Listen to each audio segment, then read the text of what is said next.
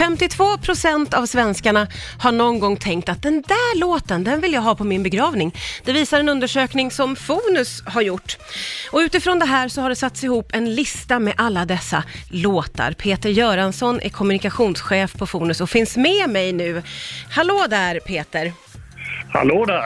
Hur gick det till att sätta samman listan? Men det var så här att vi gick ut och ställde eh, frågor via Kantar Sifo till cirka tusen personer eh, där vi frågade om de någon gång hade tänkt på att den här låten skulle jag vilja spela på min begravning. Mm.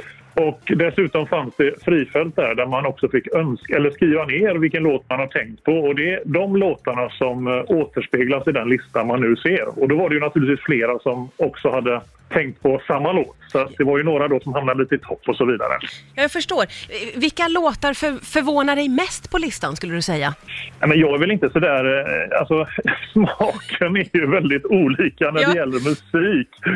Så att, eh, men det är klart att det finns ju en viss spännvidd via, via, via Amazing Grace och Highway to Hell till Oj! exempel. Ja, ja, Så det är lite olika hur man tänker kring, Precis. kring sitt avslut. Ja, okej. Jag tänkte fråga, är det några som sticker ut? Jag, personligen tycker jag ju då lite att Highway to Hell sticker ut.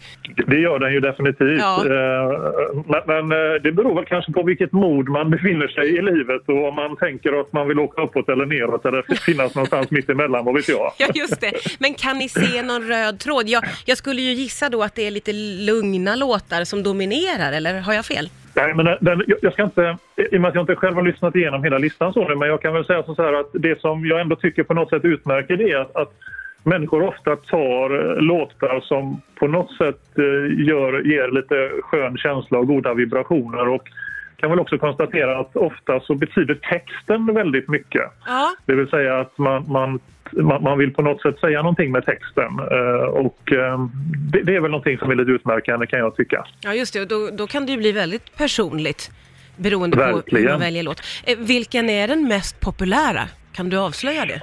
Ja, Håll mitt hjärta ligger ju i toppen från undersökningen på den låten som, som folk eh, flest vill ha då med Björn, med Björn Skifs. Då. Ja, ja okej. Ja. Så, det, så det är en vacker låt som vi har hört spelas väldigt mycket genom åren.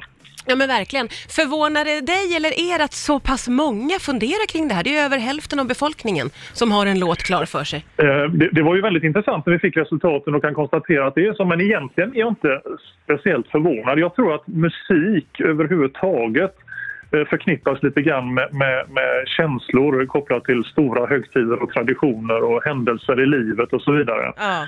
Så att eh, därför tror jag att man då och då snuddar vid tanken. Eftersom döden är ett litet tabuämne så kanske det är lite enklare och lite lättare att ibland närma sig och tänka på det när man hör en låt eller sådär. Ja, verkligen.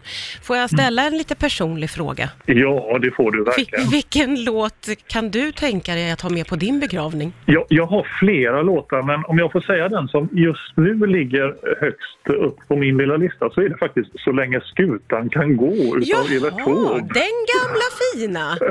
ja, Ja, men låter på dig som att det kan ändras med tiden. Det, det kan ändras Ja. och det kan säkert bli mer än en låt kan jag tänka mig. Ja, jag förstår. Tack snälla Peter Göransson från Fonus för att jag fick prata med dig. För all del, tack så mycket. Ha det Tack gott. snälla, ha det bra, hej då!